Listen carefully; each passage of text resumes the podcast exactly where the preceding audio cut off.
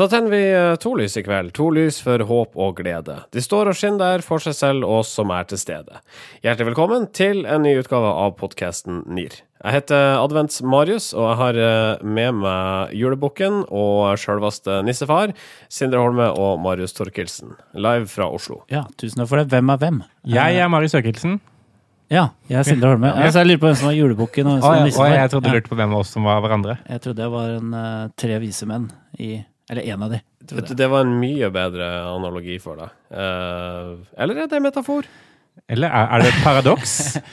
det, det burde jeg kunne svare på. Ja, ja, det er det i hvert fall ikke. Nei, ikke Ja. Eh, tre vise menn som har samla seg eh, under julestjerna for å gi eh, noen råd og fable om dette faget, hvis navn er kommunikasjon, eh, den neste halvtimen eller der omkring. Eh, vi innleda med denne, altså dette tenn lys-verset, og vi kommer jo ikke helt i mål her. Altså, når vi går på lufta, så er det jo nesten sånn at folk skal tenne tre lys. Ja, det er faktisk ikke langt unna. Eh, og adventstiden, den eh, flyr av gårde. Jeg er så glad for at det er advent, fordi hvis dette ikke hadde vært eh, advent nå, da hadde jeg sannsynligvis vært deprimert, for nå er det så mørkt og så mye å gjøre på jobb at det eneste som gjør meg litt glad, det er at det er advent og jeg kan åpne en sånn sjokoladeluke hver dag. Ja, for du har sjokoladekalender. Ja, ja. Jeg har fått en sjokoladekalender av Bring. Ja, jeg også, men uh, Sånn er det det, i mediebransjen. Du får ting av Bring. Altså jeg, jeg også har den, fått den kalenderen, eh, men jeg får ikke den sjokoladen. For jeg sto ikke opp tidlig nok til å grabbe den til meg. Ja, for dere har én deling på kontoret? Ja. Å ja. Vi har fått hver Hele vår. Hele kontoret har én på deling. Vi er et ganske viktig byrå, så vi har fått hver vår. Det er faktisk en kunde av oss, så vi burde jo ha fått en hver. Hva vi skal prate om? Idar Vollvik han eh, hevder å ha Norges enkleste telefonnummer, og det er til salgs. 4, 5, 6, 7, 8, 9, 10 er altså nummeret. Og nå skal han redde Ludostore fra konkurs. 10 millioner kroner skal han ha for det uh, telefonnummeret her. Hvem i alle dager er villig til å betale så mye penger for et telefonnummer? Eh, jeg eh, tenker kanskje at det er folk som er veldig dårlige på å huske tel telefonnummer, da. Men, men de altså, Det som er ironisk, er at de har sannsynligvis ikke så mye penger, for de er kanskje dårlige på å huske tall generelt sett. Jeg tror da har ikke råd til å kjøpe. De er dårlige på å regne, så det er nok personlig konkurs for lenge siden. Så tallforståelse er en Eh. betingelse for eh, økonomisk suksess i Norge? Uh, nei, nei altså, Ida Vollvik er jo for så vidt et tegn på at han ikke, ikke trenger det. Men uh, i hvert fall sånn det er deler av uh, livet hans. Eh, men økonomisk suksess over tid, da krever, kreves det en viss tallforståelse. Men er det egentlig Norges enkleste telefonnummer? Nei. Jeg syns jo én Nei, altså 4, 4, 4, 4, 4, 4, 4, 4, 4, 4 er lettere. Ja. Og det er for mange tall. Uh, Åtte ganger fire, ja. 8 ganger 4 hadde vært lettere. Vet du hvilket eh, telefonnummer jeg syns er landets enkleste? Jeg tenker alltid på Kykelikokos-nummeret. Uh, 815 493 Null, null. Sindre nå ser forvirra ut. Han så ikke på Kykelikokos. Han var, han var opptatt med hovedfag da. Men uh, for oss som var barn den gangen, vi husker det nummeret. ja. Eh, jeg vet ikke hvilket nummer Leif Juster hadde til sitt uh, morgenshow i helgene. La oss gå videre nå. Andy Awards. Nok ei eh, reklameprisutdeling. Det her, søk nå bidrag. Og det gjør de gjennom en kampanje hvor reklamebransjen fremstilles som den tøffeste bransjen i verden. Tre videoer ligger annet ute på nettet nå. Um, der møter du en lege i en av dem. Han står midt i en operasjon. Og en annen så møter du da en minerydder ute i felt, og disse to blir da intervjua om hva de tenker om reklameyrket. Og begge konkluderer de med at det de gjør, er ingenting måtte presse reklamefolkene må føle når de skal få en kampanje til å fungere på alle flater, mobil først. Ja, eh, eh, denne kampanjen er jo lagd for å få flere bidrag inn til Andy Awards. Eh, og Andy Awards er jo en sånn kreativitetspris som har eksistert i, USA i bortimot 50 år. De har sånne Oscar-lignende statuetter, så det, det henger naturlig nok høyt. Og jeg, jeg tolka denne filmen eh, litt annerledes enn dere. Jeg, jeg tolka den jo som for Vi diskuterte dette før sending, og jeg tolka som at den egentlig gjorde narr av reklamebransjen. At, liksom, at denne filmen her viser hvordan liksom, kreatørene tenker om seg selv. At de er veldig mye viktigere enn brannmenn og kirurger og mineryddere osv. Eh, men men eh, dere var ikke helt enige der? Eh, jeg tolka det vel eh, sånn at eh, det var en fin måte å dramatisere eh, hvor mye jobb det er eh, med å lage en skikkelig god reklamekampanje. For det er klart, du må jo du møter jo på mange hindringer, annet en kunde som ofte er livredd for å gjøre noe nytt. Eh, så, så veien fram til liksom å lage en skikkelig fet, tøff, nyskapende eh, mobile first-kampanje eh, kan være veldig lang og veldig vanskelig. Så, men det er, humor, det er, jo gjort med humor, dette her, så du kan godt tolke det som liksom å dra det litt langt, da. For å liksom Eh, se eh, på liksom kreatørens rolle hvor eh, viktig den er. Men jeg syns det, var, det var vittig. Ja, det, det, det, er mulig at jeg har tatt på meg sur og sarkastisk hatten min i dag. For jeg ser at på nett, nettsidene til Andy Award så skriver de at de, som de prøver å anerkjenne den modige prosessen det er å komme opp med kreative ideer. og at de, de prøver å virkelig gi anerkjennelse de som er tøffe nok til, til å gjøre helt nye ting. Så det er mulig at dere har eh, rett. Ja, vi har nok rett, skjønner du. Ja, det har skjedd før. Jeg har tatt feil en gang før. Uh, 2007. Kykelikokos-perioden. Ja. Men Andy Awards lykkes med satiren sin. Det er morsomt. Jeg vet ikke om vi slenger et eller annet ut på Facebook-sida vår. Det spørs om uh, playeren deres lar seg implementere. Vi får se, da. For nå så sier jeg hjertelig velkommen da til NIR, episode 93. Norske informasjonsrådgivere.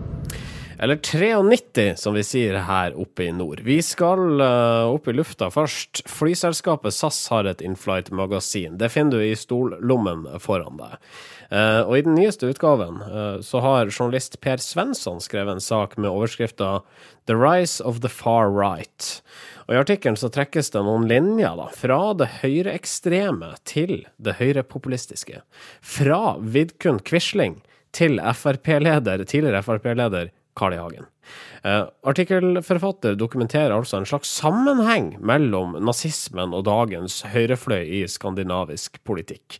Og dette her fikk eh, Frp til å tenne på alle fronter. Frp klaga, og jaggu meg endte det ikke opp med at hele magasinet ble trukket tilbake. Ja, Det er Per Svensson som uh, jobber i Sydsvenskan, som er sånn meningsbærende svensk avis, som har skrevet denne artikkelen her. Og er henta inn for å lage det via et et sånt content marketing-byrå eller produksjonsbyrå som eh, SAS bruker til å lage sitt Insight In-flight-magasin. Uh, og uh, nå fikk jo SAS veldig kalde føtter, da, når Frp kom og, og klagde på dette her. Ja, Sjølveste Frp? Sjølveste Frp, med Carl I. Hagen i spissen. Uh, og sier at dette her liker vi ikke noe særlig. Og så trekker de tilbake opplaget, sier de. For den artikkelen var ikke bra nok, er jo da en forklaring da, eh, fra SAS. Eh, jeg skjønner jo at SAS gjør dette, fordi eh, Per Sandberg han, han gikk jo regelrett ut og truet SAS. Han sa det at i den økonomiske situasjonen som SAS er i nå, så er det jo rart å kritisere partiet til Norges finansminister. In indirekte sånn hvis ikke dere skjerper dere, så kutter vi støtten. Altså, og, og det var ganske hardt, vil jeg si. Kundene til SAS er jo oppegående folk. De henvender seg jo ofte til næringslivsledere som eh, De ønsker å lese interessant og dyptpløyende stoff, de også. Så det er jo ikke bare sånn at det OTV-selskapet er satt til å bare hente inn sånn fluffy eh, produktomtaler osv. Så videre. så, men så er det det her med grensa, da, hvor man begynner å snakke om politikk, og, og, og begynner å uh, røre litt i sånn uh, eh, litt vanskelig farvann, da oppstår det problemer. Og det, det er sjelden at man ser politisk ladde artikler som content marketing. Da. Og Elin Ørjasæter hun lar seg irritere av infosjefer som vil leke ordentlig redaktør. Jeg ser en sykdom som handler om at informasjonssjefer misforstår sin rolle og later som de er ordentlig presse. Denne artikkelen hører hjemme i alminnelig presse, fastslår hun overfor kampanje. Jeg syns jo den kommentaren fra Ørjasæter også er litt rar, fordi uh, det hun jo nesten Sånn som jeg tolker det hun sier, så, så, så, sier hun det at det er ikke mulig å lage uh, godt nok stoff uh, hvis, du er, hvis, du har en markedsføringsagenda. Altså, du kan, kan ikke forvente at du du skal bli eh, sett på som ordentlig presse, eller at stoffet ditt skal bli vurdert som måte godt nok til at det kunne vært et journalistisk arbeid. Eh, og Derfor må man bare slutte å prøve, og heller bare lage mer markedsføringsaktige tekster. Ja, Bør man ikke slutte å prøve? Nei, altså Det er vanskelig å si, for jeg har også vært med å lage et lignende blad. Jeg jobba i et forsikringsselskap for, eh, for, noen år siden. Og der gjorde vi også intervjuer med politikere som mente ganske interessante ting, og som kunne ha skapt debatt. Men jeg er nok enig i at her må liksom selskapet uh, se hva som egentlig er rollen til selskapet, for rollen er jo ikke å, å, skape debatt. Det er jo egentlig å, å få folk flydd fra A til B. Så det blir sånn derre det er noe Ja. SAS misforstår eh, rollen sin og påtar seg en de strengt tatt ikke bør eh, påta seg. Det, det, mener jeg absolutt. Ja. Men eh, så, altså, Artikkelen ble nå en gang publisert, og det er jo da en flink uh, svensk journalist som har skrevet den. Når uh, Frp så går hen og hudfletter både selskap og content marketing-byrå, var det riktig da Scandinavian Airlines å fjerne magasinet, all den tid det allerede var ute? Altså, det, det, skal jo en del eh, Det skal være ganske tøft for å stå imot det presset. Samtidig så mener jeg at dette er en sak med bare tapere, egentlig. Fordi at Frp også fremkommer jo et veldig dårlig lys her, når de truer på den måten som de gjør. Uh, og det her er jo markedsføring, så liksom, det er i så fall forbrukerombudet eller noe sånt da, som, uh, som bør klage inn dette her. Uh, så jeg vet ikke. Uh, jeg syns i hvert fall det er, det er, trist på flere måter, egentlig, dette her. Jeg, jeg, jeg savner at uh, noen av disse mediene som har omtalt saken, faktisk hadde gått artikkelen litt etter i sømmene, for det, det er jeg interessert i. Altså, Er disse linjene som blir trukket opp, er, er det noe sannhet i det? Altså sånn, er, er det faktisk godt journalistisk arbeid? For det sier man ingenting om. Nå får folk en mulighet til å vurdere sannhetsgehalten i denne teksten her sjøl, fordi både sydsvenskene og Dagens Nyheter i uh, Sverige har valgt å trykke denne artikkelen, legge den ut på nett. Vi slenger en link ut på vår Facebook-side, facebook.com slash Nearcast etter sendinga. Uh, bare tapere i denne, i denne saken, sa du, Sindre. Da får vi uh, gi en, en klype sympati til alle involverte. Ja, en klapp på, på skuldra, eller? Ja. Ja. Det, det, det, går bra, det, SAS. Det, staten selger seg ikke ut med det første. Norske informasjonsrådgivere. Og så var det noe greier på uh, Twitter her med skilandslaget. Rett etter at Martin Jonsrud Sundby gikk inn til seier på minitårn på Lillehammer i helga, så la landslaget ut ei melding på Twitter hvor det sto Kan de som i høst sa herrelandslaget ikke er noe uten en viss kar, rekke opp hånda, skråstrek ta seg en bolle? For et lag! Utropstegn. Hashtag Ski-Norge. Hashtag langrenn. Og det er selvfølgelig Petter Northug tweeten adresserer, men han er jo en del av landslaget. Ja, og, men det kom jo så på plass i tolvte time. Det var jo veldig lenge usikkert om han i det hele tatt skulle få lov å være med, og i fjor så var han jo som kjent eh, ikke med. Eh, da gikk han for Coop. Og det er helt uh, tydelig at eh, det er uh, sterke følelser rundt dette innad i langrennsmiljøet i Norge fortsatt. Uh, denne Twitter-kontoen styres ifølge langrennsledelsen av en ekstern person som de ikke har gått ut med navnet på. Og de mener at denne personen han ble litt carried away da når Jonsrud Sundby gikk over målstreken og vant dette her. Men samtidig så mener de også at det var en helt feil type tweet å legge ut, og den ble slettet ganske fort. Hvorfor er det så feil? da? Petter Northug kom inn på en 15.-plass. Han har ikke vært en del av landslaget, og det har da vitterlig blitt sagt at herrelandslaget ikke kommer til å være noe uten nevnte Northug. Grunnen til at eh, de ønsker å eh, beklage det, er jo at eh, de ønsker ikke mer støy rundt langrennslandslaget. De ønsker at Petter Northug skal få lov til å, å bli en del av, en, av gjengen igjen, uten å liksom bli skilt ut da, som, som liksom den outsideren, eller den, det sorte fåret, som, som, prøver å komme tilbake igjen i flokken. Eh, og landslaget la ut en twittermelding litt seinere, hvor de beklaga det som hadde skjedd, og at det var en frilanser som hadde lagt ut uh, twittermeldinga. Men jeg, jeg syns jo det her er litt sånn Jeg syns det er helt unødvendig å si at det er en frilanser. Altså, eh, det bare viser at de ikke har nok kontroll, da. Ja, det er, det er både feigt og litt sånn uproft å gå ut og si hei, det var en frilanser som gjorde det. Uh, vi mener ikke dette her.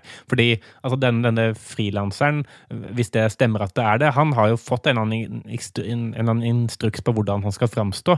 Og dette er åpenbart altså, ikke ting han kunne ha funnet på selv, men altså, han eller hun, eh, men, uh, men tydeligvis en holdning som må finnes i den norske langrennsleiren, som han måtte få kommuniserer via Twitter. Altså, han må jo ha plukket opp denne stemningen et eller annet sted og tenkt at dette er greit å skrive. eh, uansett hvor liksom carried away han var. Uh, så, så jeg tror jo at denne måten å håndtere det på, det gjør i hvert fall ikke eh, noen overbevist om at dette er noe de ikke mener. Jeg tenker bare at dette var bare en sånn feig måte å komme ut av det på. Ja, for dette er egentlig noe alle mener. Dette tror jeg de fleste føler og kjenner på, og Petter Northug kanskje mer enn noen andre, som, eh, som eh, egentlig ikke hadde lyst til å underlegge seg de reglene. Man ser også det at eh, hvis han skal få lov å gå VM i Falun, så var han nødt til å, til å gjøre sånn som langrennslaget ville. Og, og da hadde han ikke noe valg, og da skal han liksom få tyn for det i etterkant, virker det som. Jeg syns vi bruker litt for mye tid uh, om dagen på å irritere oss over småtterier, sånn som dette her. Dette er en tweet som er publisert, og så skal vi bruke altså, Nå bruker vi vår sendetid, og Vega har brukt sin redaksjonelle plass, og det er flere som da har brukt plass på å diskutere dette her opp og ned i mente. Det er bare min mening, da. Smilefjes. Ja, jeg kan fortelle deg hvorfor det er viktig. Ja.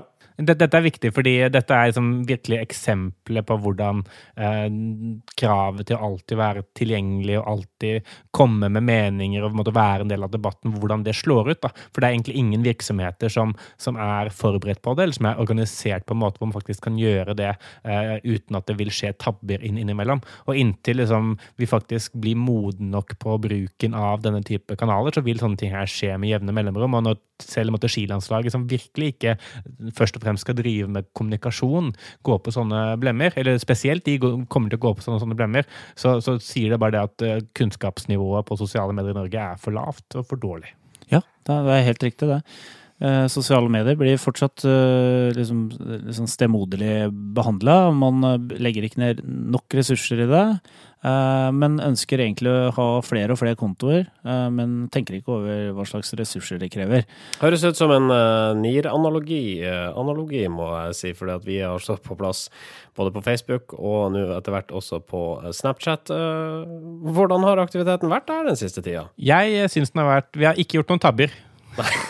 Jo, jo mindre aktivitet, jo eh, mindre Tabber. tabber eh, blir det. Altså, Så det er mantraet. Hvis du er redd for å gå på en smell, ikke eh, ha noe aktivitet. minimer, minimer risiko. Ja, hold- ikke hold kjeft. Ja. Norske informasjonsrådgivere. Burgerkjeder McDonald's sliter i motbakke i flere markeder, skal vi tro siste økonomirapport derifra. Novembertallene viser en tilbakegang både i Europa, Asia og i USA. Eh, Sistnevnte er da det største markedet til McDonald's, og der har de den største tilbakegangen også. Matthew Iglesias har skrevet en sak om dette på vox.com, hvor han skriver at McDonald's nå taper terreng til fordel for andre hurtigmatkjeder som Mexi- Chipotle. Eh, Dette fordi merkevaren McDonald's har blitt for sterk. Dette trenger hjelp til å. Ja, det har kommet en del eh, utfordrere til eh, McDonald's eh, de siste åra, annet Chipotle, som er en sånn meksikansk restaurant, eller fastfood-restaurant, som har klart å, som har liksom fra bunnen av hele tiden bygd seg opp som en ansvarlig aktør med kvalitetsmat, som allikevel går kjapt og er lett å putte i tranten og, og, og bli mett av. Så det som eh, er interessant her, er nettopp det at eh, McDonald's eh, er en så sterk merkevare at det er nesten vanskelig å endre kurs, i hvert fall i folks hoder. Det blir, er, og blir et, burgersted. Det er, det er Big Mac McDonald's har som sitt flaggskip. Og det er vanskelig å endre på, selv om sånn megatrender eh, kommer hvor, eh, hvor det handler om å spise sunt osv. Ja, McDonald's har jo hevet seg på den trenden. Jeg vet ikke om det heter McSalad, men de har nå salat. eh, og de har alternativer til, til pommes frites. Og, og, altså, de har jo noen sunne alternativer også. Men du sier altså, fordi at vi alltid har forbundet McDonald's med junk, så er det å forbli- forblir junk. Ja. Ja, altså Med mindre McDonald's gjør noe drastisk, da, som f.eks. bare kutte ut alle burgere og endre logo og endre navn, så har de brukt nå liksom 100 år cirka, eller hvor gamle det er, på å bygge opp én eh, ting. Altså, det er at du får eh, god eh, mat eh, enkelt, eh, og den maten er, er ikke sunn, men den er god. Altså, det har de brukt eh, 100 år på å posisjonere seg på. Eh, og nå plutselig så kommer denne megatrenden hvor, det plutselig ikke er en viktig driver lenger i markedet, eller ikke en viktig nok driver. da. Og det å en måte endre ting over natta, si at ja, vi har jo gulrøtter, det, det hjelper ikke, da, fordi du har innprenta en viss type tanke over så mange år. Og det gjelder jo for alle sånne måter, alle, altså mange av våre største merkevarer, sånn som Cola, Pepsi og, og, og som, som også har bygd opp veldig sterke merkevarer på én veldig konkret ting, da, eh, som alle forbinder med noen veldig konkrete attributter. Eh, de påvirkes jo av disse trendene, og det er vanskelig for dem å snu seg kjapt nok. da. Altså McDonald's har gjort en del sånne eh, endringer, blant annet nå. Hadde jo en kampanje i Norge som var litt sånn eh, merkelig animasjonsfilmkampanje. Ja, hvor de skulle snakke om at de Ja, vi skulle snakke om eh, hvor de hjalp den Var en veldig god eh, pa- partner, holdt jeg på å si, til den norske bonden. Men det er sånn derre det er en del sånne små ting de gjør som ikke folk bryr seg om, tror jeg. Altså, det er ikke noen store drivere som gjør at folk liksom Dette, dette er viktig for meg. Uh, og så tror jeg at uh, McDonald's er så enkelt for folk å forstå at vi ønsker ikke å komplisere det budskapet. Vi ønsker ikke at McDonald's skal være noe mer. Eh, og da, da er det jo det vanskelig for dem å, å gjøre noe også. Det er ikke plass til CSR i det bildet vi har av eh, McDonald's, rett og slett. Her er det kun plass til tre ting. Burger, chips og cola. Jeg tror det er helt umulig for eh, McDonald's å snu markedsandelen markedsandelene sine.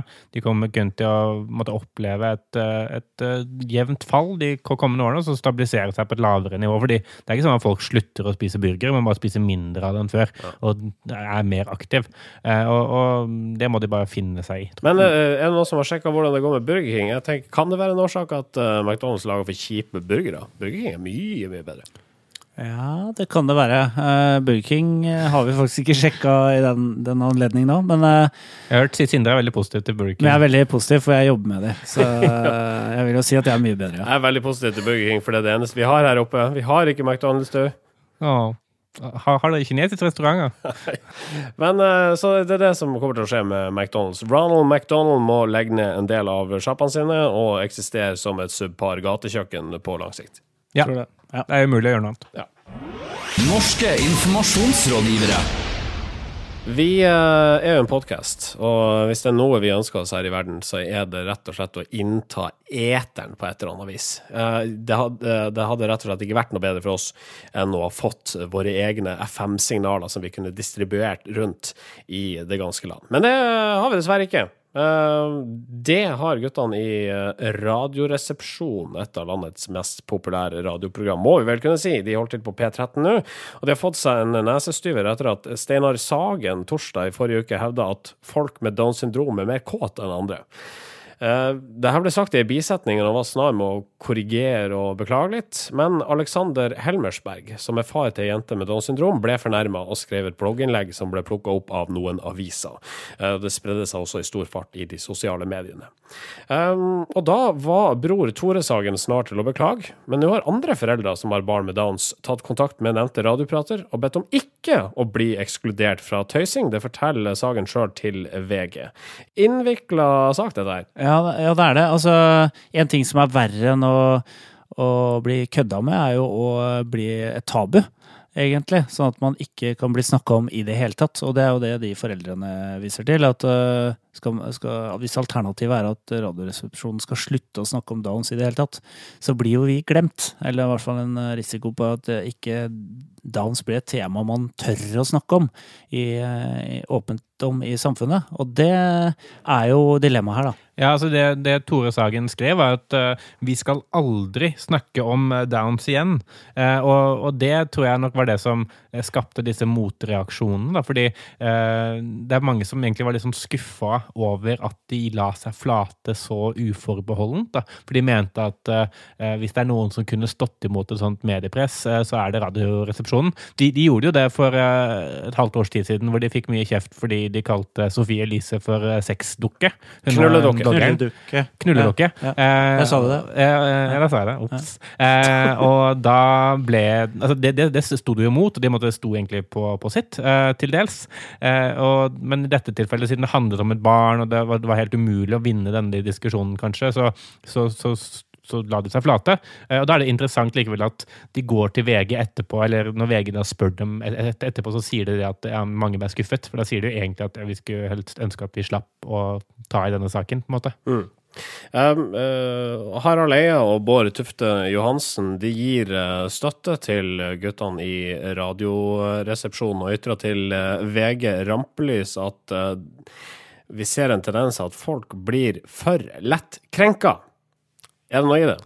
Jeg, vet, Dette er jo en fanesak for deg, Marius. Eh, eh, Du er vel eh, kanskje den som er mest mot at folk føler seg krenket, som jeg kjenner. i hvert fall. Eh, og spesielt at mediene da omtaler det eh, når det blir såkalt storm i sosiale medier. Ja. Eh, jeg, jeg, altså, det å føle seg krenket er ikke noe man styrer eller ikke. Da. Jeg tror kanskje det nye er det at mediene er veldig mye snarere på å plukke det opp, fordi alle måtte ha fått et eget talerør, som er denne litt over middels lange Facebook-posten. Hvis du skriver en sånn og får liksom mer enn 200 likes, da får du et VG-oppslag uansett. ikke sant? Og det er det som har skjedd i dette tilfellet også. Det var, ikke, det var et sånt Facebook-innlegg som han faren skrev.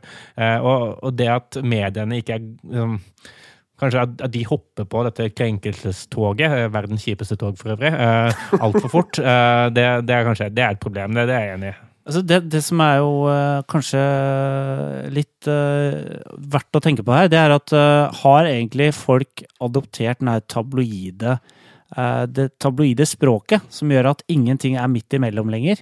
Altså Det går ikke an å si at jeg syns det er problematisk at Radioresepsjonen gjorde dette. Eh, Jeg har en datter med Downs syndrom og syns ikke de skal gjøre det en gang til. Eh, Det kan man ikke si, for da får man ikke førsteside. Du må si at du raser, du føler deg krenket. Og så må du bruke ord som pappahjerte.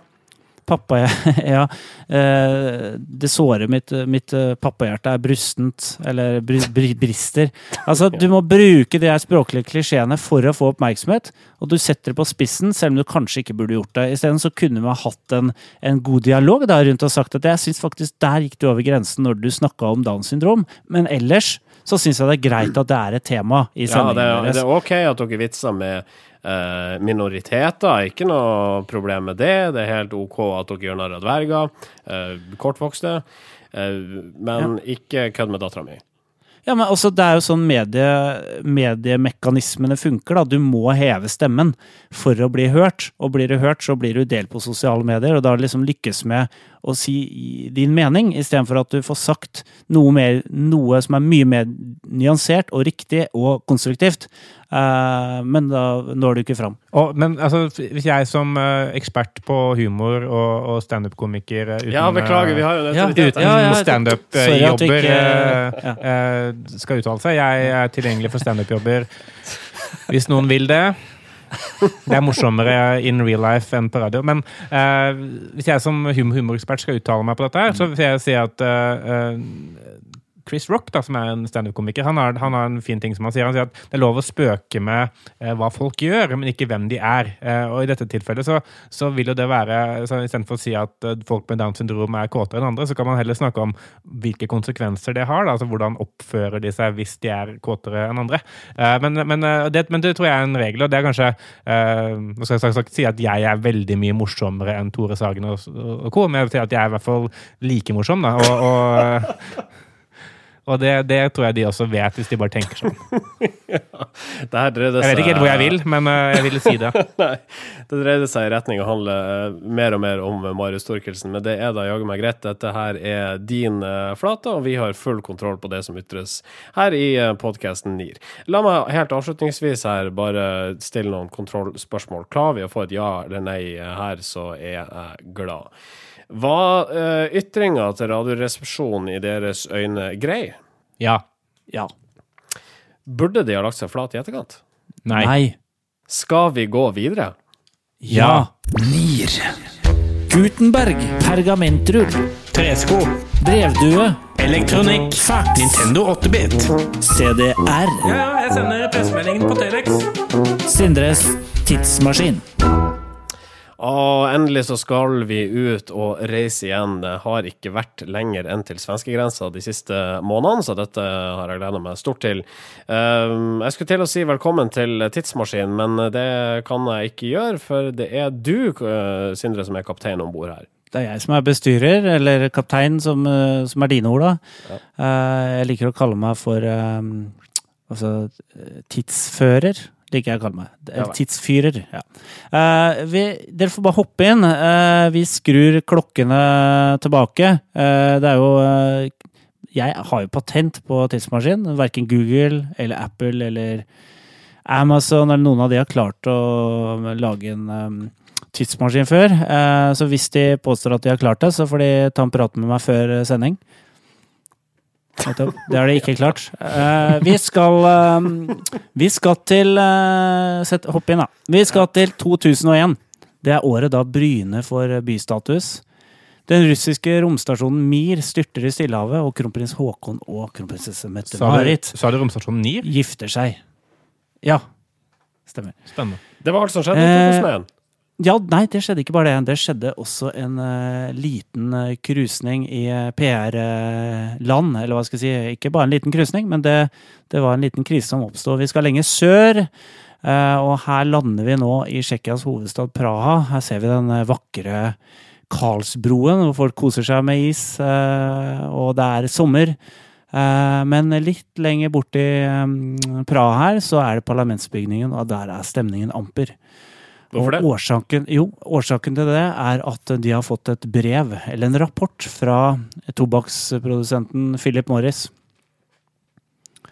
Og den rapporten eh, har Philip Morris utarbeida eh, for å prøve å motvirke at myndigheter rundt omkring i verden eh, vil eh, eh, regulere tobakk mye strengere. Så de har rett og slett eh, ansatt et konsulentselskap som heter Arthur G. Little, for å se på gevinsten av eh, tobakk eh, økonomisk i samfunnet.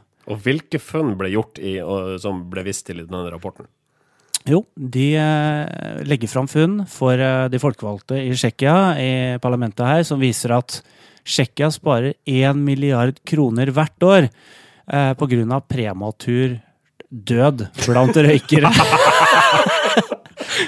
Hæ? Eh, konsulentselskapet har konkludert med at uh, de sparer 215 millioner kroner pga. Eh, manglende pensjonsutbetalinger, trygd og helsetjenester.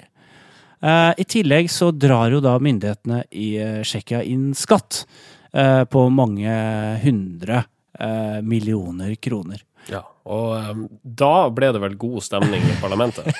Da ble det god stemning. Dette er vinn-vinn, tenker eh, ingen eh, i parlamentet. Eh, og de blir eh, forbanna. eh, og medier over hele verden eh, plukker opp denne saken her. Eh, Philip Morris eh, kommer med et slags dementi rett etterpå og sier at det var ikke sånn det var ment. Det var jo spøk! Det var jo en spøk vi la fram for parlamentet i Tsjekkia. det er liksom, Du skulle tro alle i hele PR-avdelingen var sjuke den dagen det her ble offentliggjort. Altså ingen kontrollsjekk overhodet. Det var liksom økonomer og jurister som regna Ja, det er et tall. Pluss, pluss i regnskapet. Ja. Han eh, fyren som sto bak denne eh, rapporten, han dro senere til eh, Norge, hvor han tok seg en frilansjobb for Skiforbundet som Twitter-ansvarlig for langrennslandslaget. Han har vært på turné og liksom blåst opp uh, Fyra opp den ene krisen etter den andre rundt omkring. Han var Dårlig- også i dårlig- Abu Ghraib i sin tid, eh, tror jeg. og hadde frie tøyler der. Interessant historie der, eh, Sindre. Skal vi ja. dra tilbake til eh, vår egen eh, og atskillig mer fornuftige tidsalder? Jo, la oss gjøre det. La oss bare dra tilbake til 2014. Ikke gjør dette. CIA har tidligere fått skryt fra oss her i NIR for å ha tatt steget ut på Twitter. We can neither confirm or deny this tweet, var vel det første vi hørte fra det holdet. Godt jobba. Eh, Men etter at det nylig ble avslørt at CIA har bedrevet tortur i avhør av folk mistenkt for å være eh, terrorister, så har ikke krisehåndteringa vært av det beste slaget på mikroblogg-nettstedet. For vanligvis er CIA i det lettbeinte hjørnet på Twitter, men da de skulle svare for seg her, så la de bare ut linker til svært omfattende faktaark om dette omstridte avhørsprogrammet. Ja, altså her, her er det en eller annen fyr da, som har hatt ansvar for Twitter-kontoen, som bare har blitt fratatt det ansvaret kort og brutalt eh, av en eller annen som ikke kan Twitter i det hele tatt. For det, idet disse nyhetene kom ut, eh, så gikk eh, CIA fra da å være denne morsomme, litt sånn merkelige Twitter-aktøren, til å legge ut eh, bare linker. Altså, Første tweeten de la ut etter at dette kom ut, det var 9. desember. Da er det en link eh, uten noe tekst, hvor det står usa.gov skråstrek 1bwsx stor S1. Og så står det sånn klamme bak PDF 5,4 MB. Og dette er jo lagt ut eh, også litt sånn utpå ettermiddag kveld, eh, for at færrest mulig skal gidde å klikke på de lenkene. da.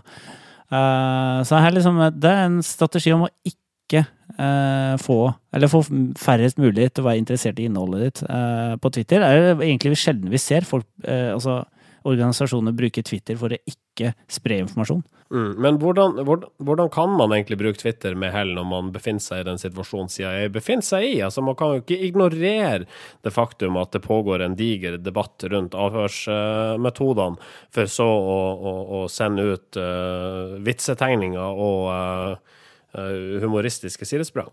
Nei, men det, det, som er fint med Twitter, er at du får, måte, du får veldig instant uh, dialog. Altså, sånn, det er masse folk som sitter med masse spørsmål som kanskje er feil. Uh, og du kan jo i sanntid gå ut og måtte uh, gi korrekt informasjon da, til én og én person. Sånn at du sakte, men snikkert Sakte, men sikkert sakte, men snikkert, I hvert fall får ut riktig informasjon og får snudd folk som måtte, og påpekt faktafeil osv. Det er kanskje det de har tenkt, men istedenfor å faktisk gå i dialog, så har de bare lagt ut en link. så Gå inn og le sjæl. Her, her, er det som er riktig, liksom. Her tror jeg de har slitt veldig på å formulere noe vettug. De kan liksom ikke skrive 'sorry, guys'. Uh, we are uh, Sorry that yeah. we use torture, uh, but hey. Obama said, said it was cool. but they Alle kan ta feil. Uh, vi, vi, vi, beklager at fange føler seg torturert, og vil uh, sette ned komité ja. for å stemme om, det, om dette stemmer. Jeg, jeg, hører de sier at de har blitt torturert, og vi, vi tar det til etterretning. Ja. Det kan godt hende at de har blitt torturert, selv om ikke jeg tror det. Ja. Um, men uh, oppfordringa herifra til CIA, Central Intelligence Agency i USA, ikke gjør dette. Nei, gjør det bedre, egentlig tanken. Ja. Norske informasjonsrådgivere. Og vi er også veldig deprimert over at D2 laga en diger featuresak om uh, podcasting, og vi ble ikke nevnt. Ja, vet du hva. Altså, jeg Ok, eh, nå vet, vet jeg ikke Nå må jeg ta meg sammen. Ja, nå må jeg ta meg sammen fordi, altså, hvis, jeg, hvis, vi hadde lagd en podkast om uh, pretensiøse avismagasiner, da hadde vi nevnt dette Så altså, uten tvil. Den. Nei, da hadde vi vært på topp. Ja, så, I hvert fall litt, litt gjenytelse. Det syns jeg kunne vært uh, på sin plass. når det er sagt, så, så trengte vi ikke å bli nevnt. D2 er teit uansett. Ja, altså det, er jo, det er jo ingen som leser papir lenger. Folk, folk leser uh, papir i opptak i økende grad. ja. Um, og vil du høre opptak da av oss her i NIR, så kan du uh, gå inn på iTunes, eller i iTunes. Jeg er litt usikker på preposisjonen der, men uh, Um, vi ligger nå der. Vi er også på soundcloud.com slash nearcast. Der ligger i hvert fall de tre-fire siste episodene. Og så kan du sende oss en e-post da, hvis du har lyst til å komme med noe innspill til sendinga. Nearcast er yahoo.com. Og vi er på Facebook og uh, Snapchat også. Det skal Marius Torkelsen si mer om. Facebook.com slash nearcast, eller Snapchat-kontoen uh, vår, som da er nearchat. Uh, og det har vært litt stilt i uka som har gått, men det blir stadig mer bråkete i dagene som kommer. Så følg med. Ikke, ikke bli skuffa over oss. Vi er skuffa over oss selv også, så Uansett. det er eh, vi, vi tar ei sending til, gjør vi vel, uh, før det er juleferie. Den, eh, Og det, det må vi si, si litt om, fordi neste sending er jo Niers årlige julespesial. Eh, Og det er sjelden det er så god stemning som når undertegnede synger It's the most wonderful time of the year innledningsvis til den. Og vi har også en, en spesiell julejingle og masse, masse julestoff, tror jeg. Det, det kan jeg love. Jeg tror også vi kanskje får et reisebrev, faktisk, eh, til neste sending. Det ser sånn ut. Ja. Per nå. Men uh, det er bare å gå til innkjøp av gløgg, uh, eventuelt noe godt attåt, uh, pepperkaker og nips. Det du vet. Ja, du det vet. du vet. Halv pris på gjør det du vet. Gjør deg klar foran podkastapparatet neste fredag. Fram til da, vi høres. Ha det! Norske informasjonsrådgivere.